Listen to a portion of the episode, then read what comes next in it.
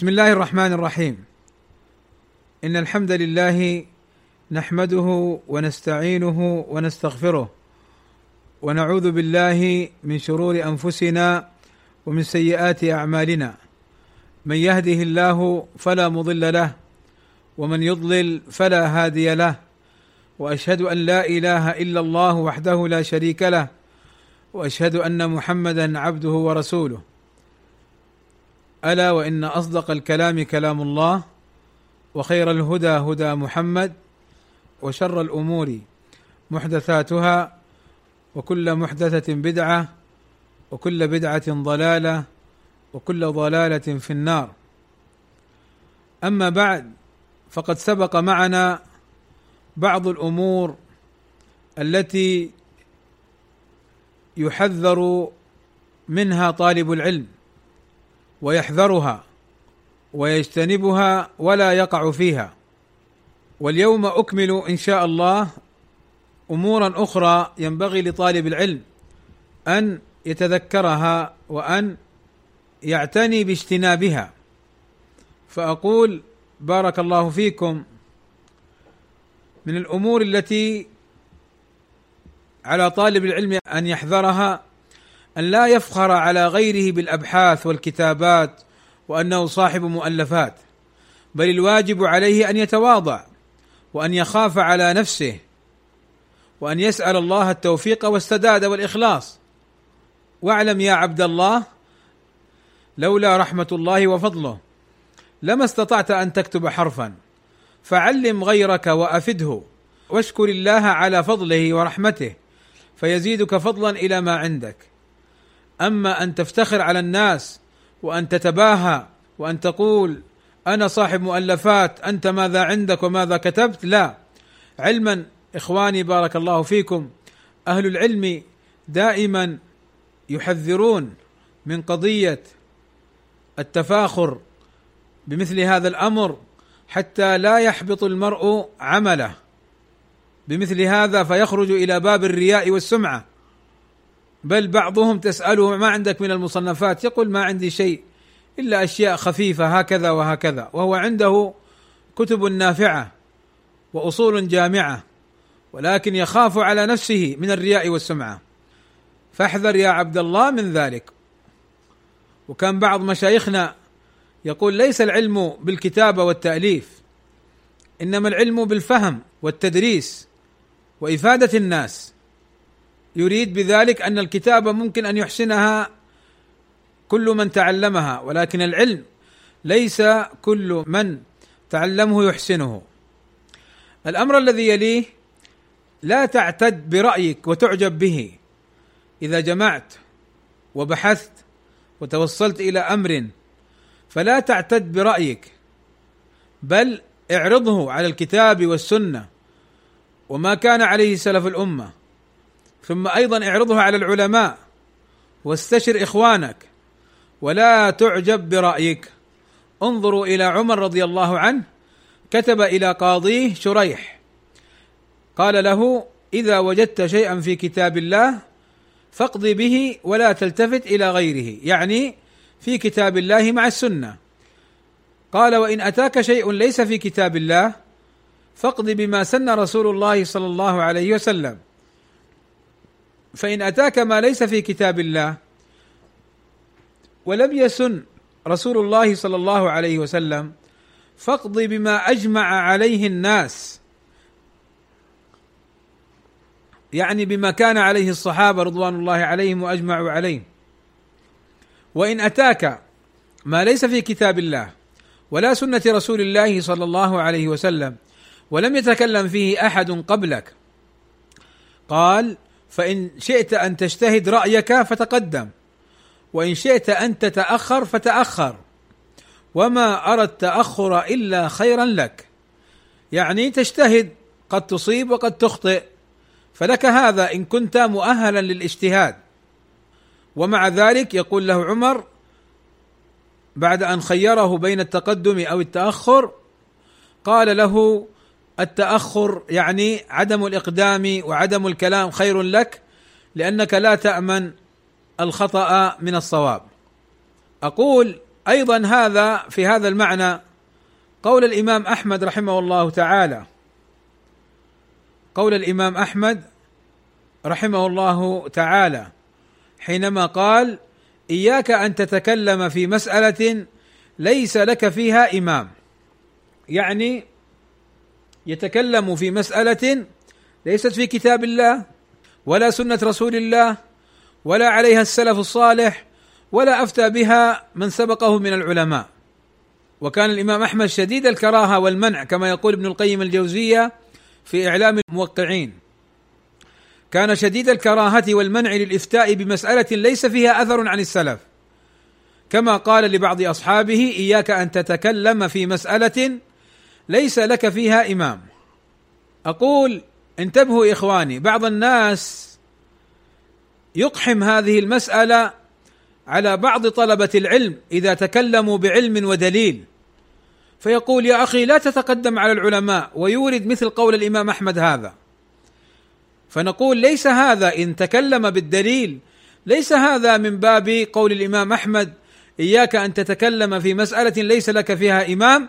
وليس من باب التقدم على العلماء. انظروا إلى قول الإمام ابن قيم الجوزية رحمه الله تعالى. قال بعد أن أورد قول الإمام أحمد إياك أن تتكلم في مسألة ليس لك فيها إمام قال والحق التفصيل.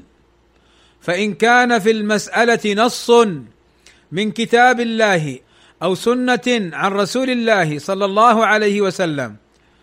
قال فإن كان في المسألة نص من كتاب الله واي ونص من سنة عن رسول الله صلى الله عليه وسلم أو أثر عن الصحابة لم يكره الكلام لم يكره الكلام فيها وإن لم يكن فيها نص ولا أثر فإن كانت بعيدة الوقوع أو مقدرة لا تقع لم يستحب له الكلام فيها وإن كان وقوعها غير نادر ولا مستبعد وغرض السائل الإحاطة بعلمها ليكون منها على بصيرة إذا وقعت استحب له الجواب بما يعلم لا سيما إن كان السائل يتفقه بذلك ويعتبر بها نظائرها ويفرع عليها فحيث كانت مصلحة الجواب راجحة كان هو الأولى والله أعلم. أقول وكلام ابن القيم رحمه الله تعالى لا يخرج عن كلام أمير المؤمنين عمر بن الخطاب رضي الله عنه. إلا في قضية أن عمر يعني يرى التأخر أسلم رضي الله عنهم أجمعين. فإذا بارك الله فيكم انتبهوا لهذه القضية. ما هي القضية؟ التي أحذركم ونفسي منها أن الواحد يتكلم في مسألة ليس له فيها إمام ويجتهد ويفرع ووالله كم رأينا وكم قرأنا وكم رأينا إخواننا طلبة العلم يردون على أمثال هؤلاء الذين يأتون بأمور تشيب لها الرؤوس يرونها رايا فيذيعونها بين الناس وهي باطل من القول. فالحذر الحذر دين الله ليس لعبة ليس من باب التجارب. المرء محاسب على ما يقول. المرء الواحد فينا محاسب على ما يقول. فلماذا يا أخي ترى رايا بلا مستند شرعي؟ ولم تراجع فيه أهل العلم ولم تذاكر فيه إخوانك وتنشره بين الناس. عمر يقول رضي الله عنه لشريح فإن شئت أن تتقدم فتقدم وإن شئت أن تتأخر فتأخر وما أرى التأخر لك إلا خيرا. فالحذر الحذر إخواني. الأمر الذي يليه الحذر من مبدأ الغاية تبرر الوسيلة. بعض الناس عند التأليف قد يسرق فكرة غيره فيقول يعني أنا أريد أن أكتب وهذه فائدة. طيب يا أخي هذه فكرة أخيك أراد أن يكتب فيها. ذكرها لك من باب المذاكرة وأنه سيؤلف فيها فتقوم أنت فتؤلف في نفس الكلام بناء على فكرة أخيك ولا تنسب له الفضل؟ هذا ما يجوز. بل بعضهم قد يسرق الكتاب بالكامل أو أكثره وهو من كلام غيره وينسبه لنفسه من باب نشر العلم ومن باب إفادة الآخرين لأن الغاية تبرر الوسيلة. انتبه! بل بعضهم فيما رأينا أنه قد يسرق حتى في خطب الجمعة. يسرق خطب الغير وينسبها لنفسه. ولا شك أن هذا يعني عيب ودليل على عدم المصداقية. ودليل على هذا الأمر أن الغاية تبرر الوسيلة. لا مانع أن تستفيد من خطب العلماء السلفيين ومن خطب أهل السنة. ولكن انشر أن هذه الخطبة مستفادة من خطب السعدي أو من خطب مثلا الشيخ العثيمين ونحوهما من العلماء رحمة الله عليهم جميعا. شيخ الفوزان أيضا له خطب مطبوعة وغيره من أهل العلم لهم خطب مطبوعة. استفد منها لا مانع. ولكن أخبر الناس أن هذه الخطبة مأخوذة من خطب الشيخ الفلاني فتكون بذلك أديت الأمانة.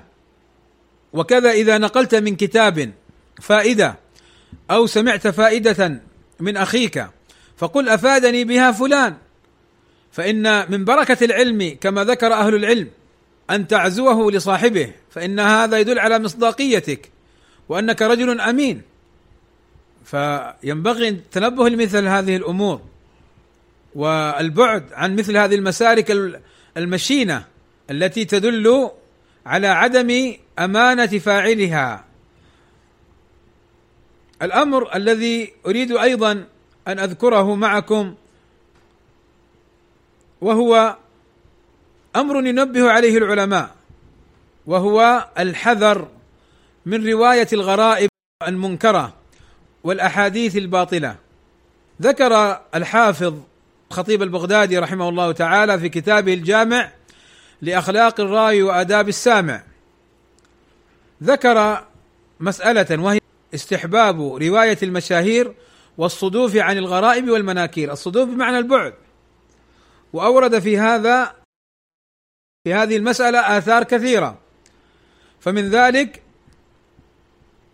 أن زهيرا قال لعيسى بن يونس ينبغي للرجل أن يدع رواية غريب الحديث. يعني الحديث الغريب بمعنى الذي لا يصح. فإني أعرف رجلا كان يصلي في يومه مئة ركعة. ما أفسده عند الناس إلا رواية إلا رواية غريب الحديث. ثم أيضا روى عن مالك أنه قال مالك بن أنس أنه قال شر العلم الغريب. المعنى الغريب يعني البعيد. الذي لا يصح الزيف أو الذي لا يعرف دليله المبهرج. قال شر العلم الغريب وخير العلم الظاهر الذي قد رواه الناس. فشر العلم الغريب الذي لا يعرفه الناس. ولذلك أهل السنة يمتازون بالوضوح والظهور وأهل البدعة يمتازون بالخفاء. والسرية والبعد عن الحقائق العلمية. وقال النضر ابن محمد أفضل العلم المشهور. هذا كله من كتاب الجامع لأخلاق الراوي. وروى عن إبراهيم أنه قال كانوا يكرهون إذا اجتمعوا أن يخرج الرجل أحسن حديثه أو أحسن ما عنده. قال أبو بكر يعني الخطيب البغدادي فسر هذا الكلام. عني إبراهيم بالأحسن الغريب لأن الغريب غير المألوف يستحسن أكثر من المشهور المعروف. وأصحاب الحديث يعبرون عن المناكير بهذه العبارة يعني بالغريب. قال ولهذا قال شعبة بن الحجاج وروى بسنده عن شعبة أنه قيل لشعبة ما لك لا تروي عن عبد الملك بن أبي سليمان وهو حسن الحديث فقال من حسنها فررت. إلى غير ذلك مما ذكره الخطيب البغدادي رحمه الله تعالى في هذا الكتاب وهو كتاب نافع. قد عمل على تحقيقه أخونا أبو الفضل الليبي جزاه الله خيرا. سيسعى في طبعه إن شاء الله قريبا. أقول بارك الله فيكم منبها على قضية مهمة ومسلك خطير يسلكه بعض الناس. ماذا يفعل؟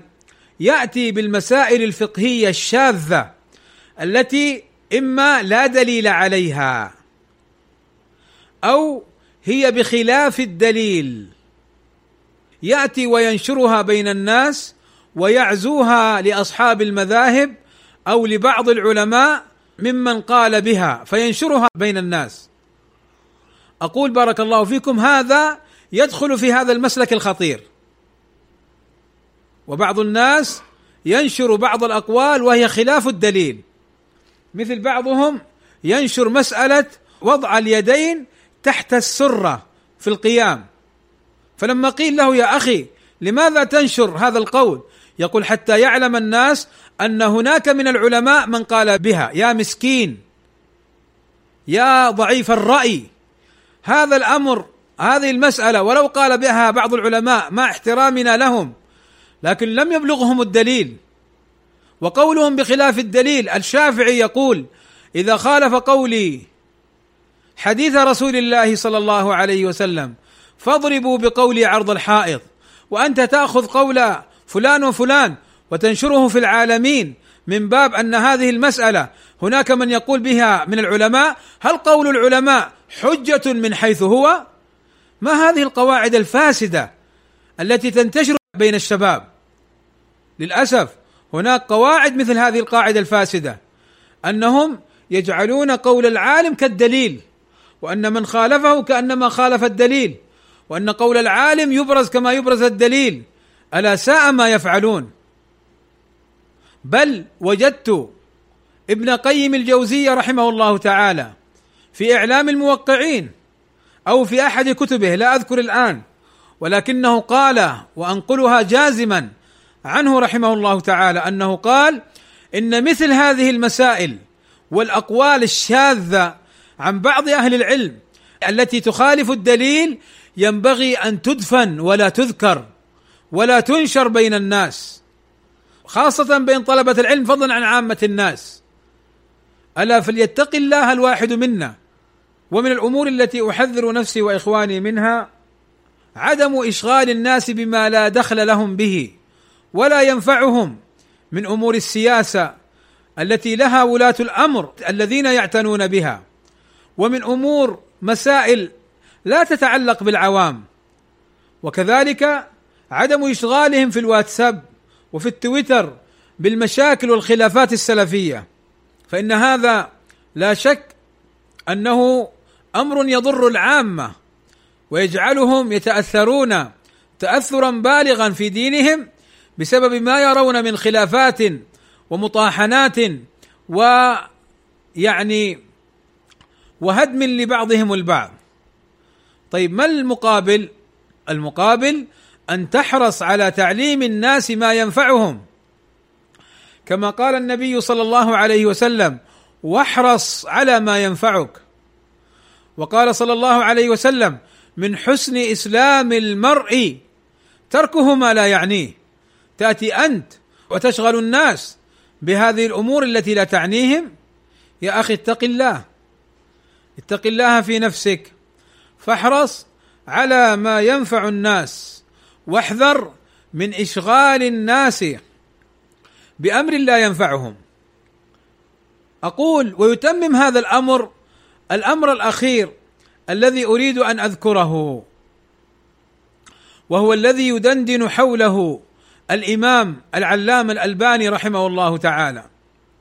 ألا وهو التصفية والتربية. ما معنى التصفية والتربية؟ أما التربية فهي تعليم الناس الحق من الكتاب والسنة وما كان عليه سلف الأمة. فهذه هي التربية أن تربيهم على الصدق على الأمانة على الأخوة على المنهج السلفي الصحيح الواضح. أن تبعدهم عن الخيانة أن تبعدهم عن الغش هذه كلها من التربية. وأما التصفية فهي أن تبين لهم ما يضرهم ومما علق بهذا الدين وهو ليس منه من أمثال القواعد الباطلة والفاسدة والمحدثة. فتبين للناس أن هذه القواعد ليست من دين الله. يدخل في التصفية أن تعلمهم عدم الغش والأمانة وتعلمهم عدم الخيانة وأن تعلمهم الصدق وعدم الكذب إلى إلى آخره. فاحرص بارك الله فيك على التصفية والتربية فإنها باب عظيم في العلم والدعوة إلى الله عز وجل.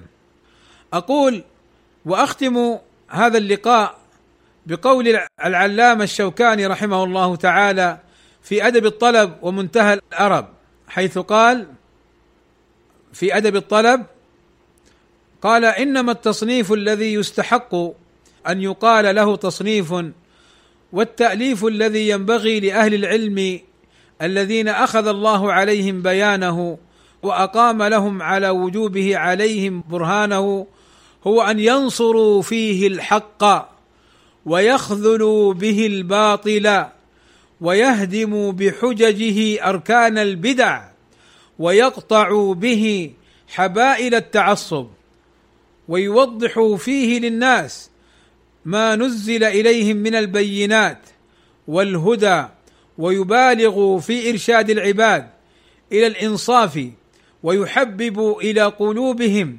العمل بالكتاب والسنة وينفروهم من اتباع محض الرأي وزائف المقال وكاسد الاجتهاد ولا يمنعهم من ذلك ما يخيله لهم الشيطان ويسوله من أن هذا التصنيف لا ينفق عند المقلدة لا ينفق بمعنى لا يقبل ولا يعني يجد له مكانة لا ينفق عند المقلدة أو أن يكون سببا لجلب فتنة أو نزول مضرة. إلى آخر كلامه رحمه الله يعني بين الحق بدليله وأزل الباطل بدليله وبرهانه وادعو إلى الله عز وجل في ذلك لتكن ممن يستحق أن يوصف تأليفه بأنه التصنيف والتأليف